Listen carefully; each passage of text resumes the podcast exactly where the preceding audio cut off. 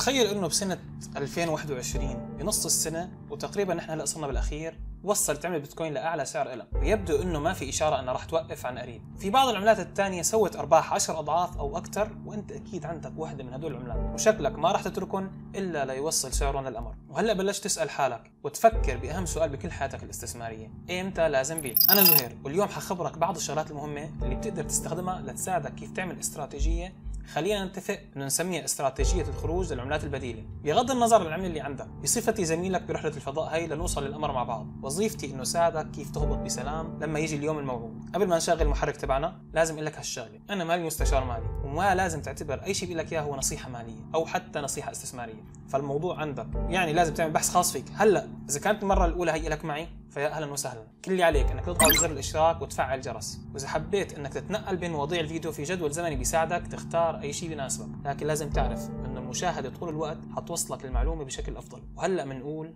بسم الله. لنقدر نبني استراتيجية خروج مرتبة لازم أول شيء نعرف الأصل اللي عم نتعامل معه وهذا الشيء ببلش لما نحط كل شيء بسياقه. بيتكون الاقتصاد العالمي من عدة أسواق. مثلا في عندنا سوق العقار سوق العملات الأجنبية سوق الأسهم والآلاف من الأسواق الثانية. تقريبا هاي الأسواق بتتبع دورة معينة. يمكن ان تكون هاي الدورة مدتها سنة أو أربع سنين أو حتى ممكن 12 سنة. وببعض الأحيان هاي الدورات تتكون من دورات أصغر منها طولها أشهر أو أسابيع وممكن تتغير هاي الدورات بمرور الوقت. وعادة بتصير هاي الدورات أطول كل ما السوق تبعها نضج. وسوق العملات مشفرة صغير كتير بخليه يتقلب كتير لأنه بكل بساطة ما حدا بيعرف تمام قيمة هذا السوق كبار المستثمرين والكبار منهم بالسن تحديدا مثل وارن بافيت وهذا النوع من المستثمرين بيكون استثماراتهم أكثر تحفظا وأقل مخاطرة.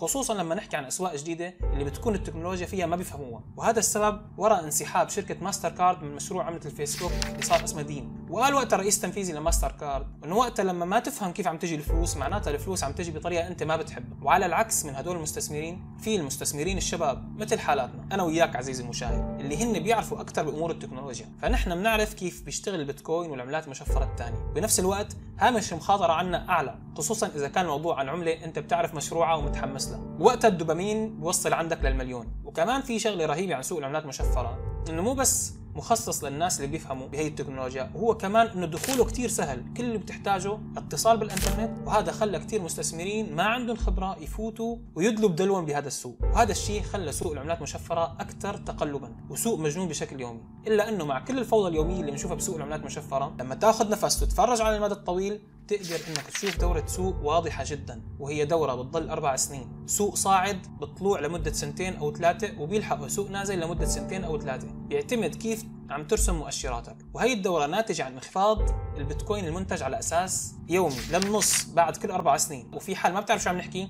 فاللي بيصير إنه بيتم تخفيض مكافآت كتلة البيتكوين لعمال المناجم للنص كل أربع سنين وافتراض إنه الطلب عم يضل مثل ما هو هذا الانخفاض المفاجئ بالكمية المعروضة بتودينا بالنهاية لارتفاع بسعر البيتكوين. وبما إنه معظم العملات المشفرة البديلة مرتبطة بشكل كبير بعملة البيتكوين فبالتالي نفس الشيء هي تتجه بشكل صاعد. هذا الانفجار بالسعر بيخلي وسائل الإعلام تبلش تغطي هذا الارتفاع الهائل بالأسعار وبالتالي بتجيب فلوس أكثر لهذا السوق ومستثمرين جداد اللي عندهم خبرة واللي حتى ما عندهم مثل اللي صار بشهر 5 سنه 2020 وكثير من الناس فكروا إنه صرنا بآخر خطوة من السوق الصاعد للعملات المشفرة. ممكن تقول إنه نحن وصلنا لقمة هي الدورة لكن اسمح لي أشرح لك التالي. على عكس الدورتين اللي قبل بهي الدورة في كثير من الأموال الذكية بنسميها سمارت ماني وهي أموال المؤسسات والمستثمرين اللي عندهم خبرة فاتت على مجال التشفير أكثر من أي فترة ماضية. وهذا الشيء بيرجع للمشرعين الحكوميين بكل أنحاء العالم اللي بلشوا يستوعبوا أنه موضوع العملات المشفرة شغلة كبيرة وهو مو مجرد اختراق هون أو هون. بيتكون سوق العملات المشفرة حاليا وقت تصوير هذا الفيديو من أكثر من 15 ألف عملة. ورمز مشفر. وصلت القيمة السوقية للأصول كلها مع بعض 3 تريليون دولار.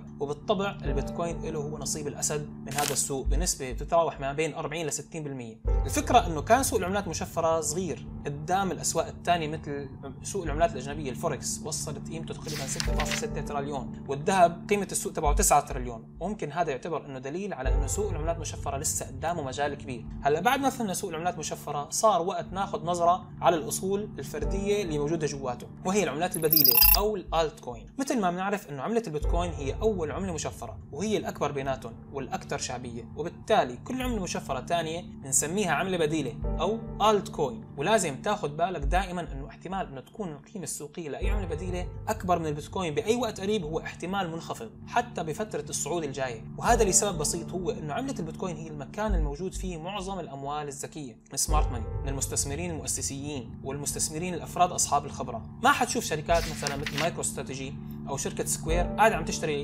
الانخفاض اللي صار على العملة مثلا مثل Chainlink أو VeChain أو حتى الإيثيريوم ممكن صعب إنه يفوت عليه المستثمرين الكبار ويعتبروه مثل تحوط بيشبه البيتكوين. وأحد الأسباب بيرجع على التحديث اللي راح يجي وهو ايثيريوم 2.0 بتشوف مستثمرين كبار مثل مثلا شركة جري سكيل واللي عندهم صندوق استثمار بالإيثيريوم بيعتبروا إنه الإيثيريوم 2.0 إنه أخطر من ناحية الاستثمار. وإذا بدنا نقارن ال altcoins بالبيتكوين فبيتكوين تقلبه أقل من العملات البديلة. وكل ما مر الوقت بتلاقي هذا التقلب عم ينقص مع مر السنين. والأكثر من هيك هو إنه حركة السعر لها تأثير كبير على العملات البديلة. يعني لما ترتفع عملة البيتكوين ترتفع العملات البديلة. وإذا ارتفعت عملة البيتكوين بسرعة كبيرة ممكن كثير من من العملات البديلة تأكل خسائر كبيرة بوقت قصير.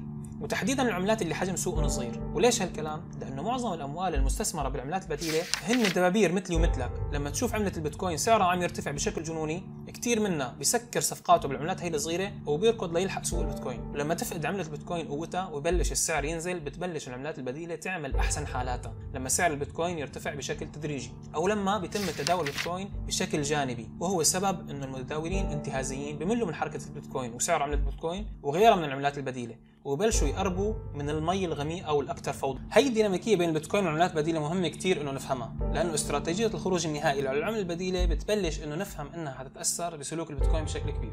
بيتم تعيين الحد الأعلى سعر اللي ممكن توصل له العمله البديله بشكل فعال بناء على القيمة السوقية لعملة البيتكوين. وقت إنه من المحتمل إنه تستمر القيمة السوقية لعملة البيتكوين بالارتفاع فالتخطيط إنك تبيع عملة الشيبة الخاصة فيك بسعر يوصل 1 دولار أتوقع ما هي استراتيجية خروج واقع. لأنه هذا بيتطلب منك إنك تضخ أكثر من 550 تريليون دولار بسوق الشيبا يعني أكثر من 30 ضعف من اقتصاد أمريكا كامل. إذا كنت مصر إنه هذا الشيء راح يصير اسمح لي أقول لك إنك أنت هلأ منتشي بالكعك والحليب اللي بتشربه. وبدك تعرف ليش؟ بامكانك تشوف الفيديو اللي راح يطلع جنب علامة ال i فوق طيب صار عندك فهم شو ممكن تأثر حركة البيتكوين على سعر العملات البديلة. بتمنى إنك صرت تعرف إنه القيمة السوقية للعملة تبعك ما راح توصل إنها تكون أعلى من سعر القيمة السوقية لعملة البيتكوين. وهلأ خلينا نحكي عن شيء اسمه ال tokenomics اللي هو توزيع العملة أو اقتصاد العملة. إذا كان الدولار الأمريكي هو عملة فحيكون واحد من أسوأ توزيع اقتصادي بعالم التشفير. والسبب إنه عنده معدل تضخم بوصل ل 3% سنويا. وبنفس الوقت ما في سقف للعرض. يعني متى ما بدها السلطة المركزية بتشغل الطابعات وبتقول يا كريم. وبتم الاحتفاظ بمعظم الكمية المعروضة بإيد عدد قليل كثير من الأشخاص.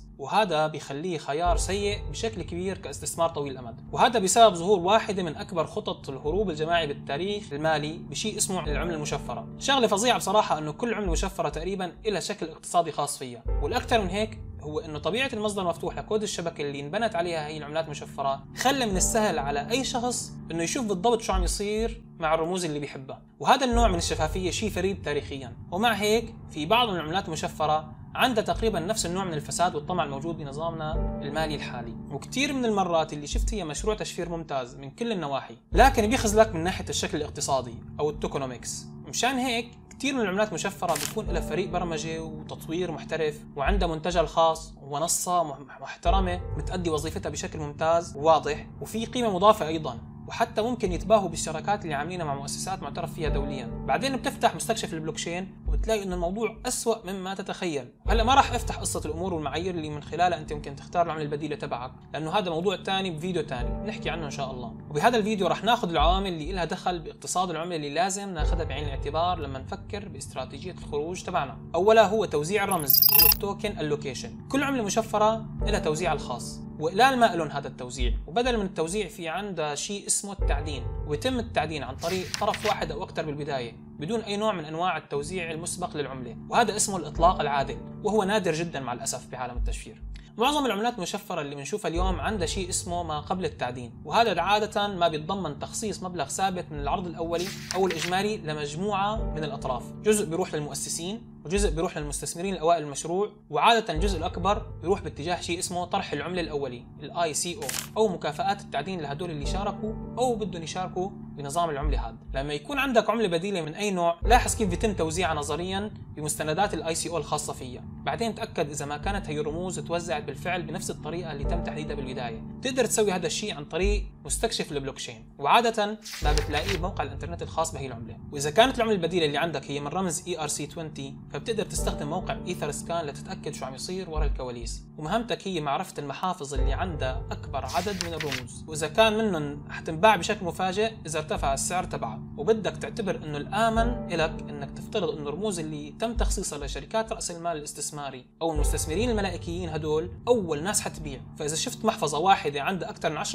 من إجمالي المعروض لازم تعيد النظر باختيارك هذا. لازم تعرف إنه بعض مشاريع العمله المشفرة عندها شيء اسمه جدول زمني للاستحقاق وهذا يعني إنه هي الرموز محجوزة للمستثمرين بيسلموهم إياها مع مرور الوقت. أسوأ مثال على هذا الشيء هو جدول الاستحقاق تبع سولانا. بصراحة مزري بشكل فظيع. إذا كنت من المستثمرين الأوائل وبعدين شفت جدول الاستحقاق هذا حتفكر إنك تبيع الرموز تبعك بأسرع وقت قبل ما يصير أي انهيار. وهذا الشيء حكيت عنه في فيديو بتشوفه جنب علامة الاي الشيء الثاني لازم تنتبه له هو التضخم اجمالي العرض تبع العملة. والتضخم مو بالضرورة هو مشكلة إذا كان قليل أو أنت مالك مخطط إنك تحتفظ هاي العملة للأبد. لازم تعرف إنه التضخم بيتم استخدامه بكثير مشاريع مشان يحفز الناس على انها تشارك بالشبكة. وهذا يعني إنه أنت ممكن تتجنب هذا التضخم عن طريق إنك تعمل شيء اسمه staking تفويض حدا بهذا الشيء. وال staking يعني إنك تقفل فلوسك بشيء اسمه مشغل الشبكة ال node وتساهم بعمليات التحقق من المعاملات على الشبكة. والمقابل بتاخذ إجرة تتوزع على المساهمين بهذا المشغل أو ال keeper. باختصار تأكد من إنه عملة ال altcoin الخاصة فيك انطلقت بشكل عادل أو على الأقل بعملية تمهيدية مع جدول استحقاق محترم. ما يخليك تضل خايف من انه السعر حينهار بمجرد ما تم استحقاق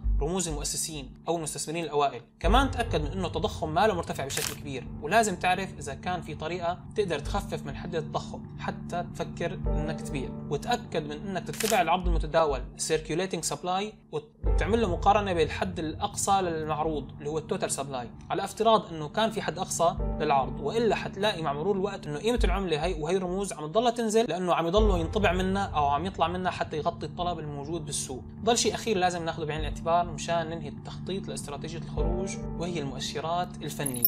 هلأ ممكن تكون المؤشرات الفنية شيء مفيد كثير بس فائدتها بتنزل في حال ما أخذت العوامل الثانية اللي ذكرناها بالفيديو بعين الاعتبار. وكمان التحليل الفني يمكن أنه يعطيك اتجاهات مختلفة بالاعتماد على الإطار الزمني اللي عم تتفرج من خلاله والطريقة اللي بترسم فيها خطوط الاتجاهات في عندنا مؤشرين لازم تاخذهم بعين الاعتبار لما بدك تخطط لاستراتيجية الخروج تبعك. الأول هو مؤشر هيمنة البيتكوين. هيمنة البيتكوين هو عبارة عن مقدار القيمة السوقية الإجمالية للعملات المشفرة بالنسبة للبيتكوين. وهلأ تقريبا من 40 ل 50% ويبدو إنه كان عم ينزل من شهر 9 2019 لما كان 70% تقريبا. خلال آخر موجة صعود بال 2017 نزلت هيمنة البيتكوين ل 37% وهذا وهذا الشيء مهم لأنه القسم الأكبر من هي الفلوس انتقلوا العملات البديلة وهذا السبب إنه شفنا كثير من العملات البديلة في أحسن حالاتها التاريخية بهذيك الفترة. وإذا افترضنا إنه استمرار هذا الاتجاه التنازلي مؤشر هيمنة البيتكوين فممكن نشوف انخفاض مفاجئ ثاني بهيمنة البيتكوين بالسنة هي أو الجاية. إذا هذا الشيء صار فحيكون هذا طوفان من الفلوس من البيتكوين للعملات البديلة. وهذا الانخفاض بمؤشر هيمنة البيتكوين بيستمر تاريخيا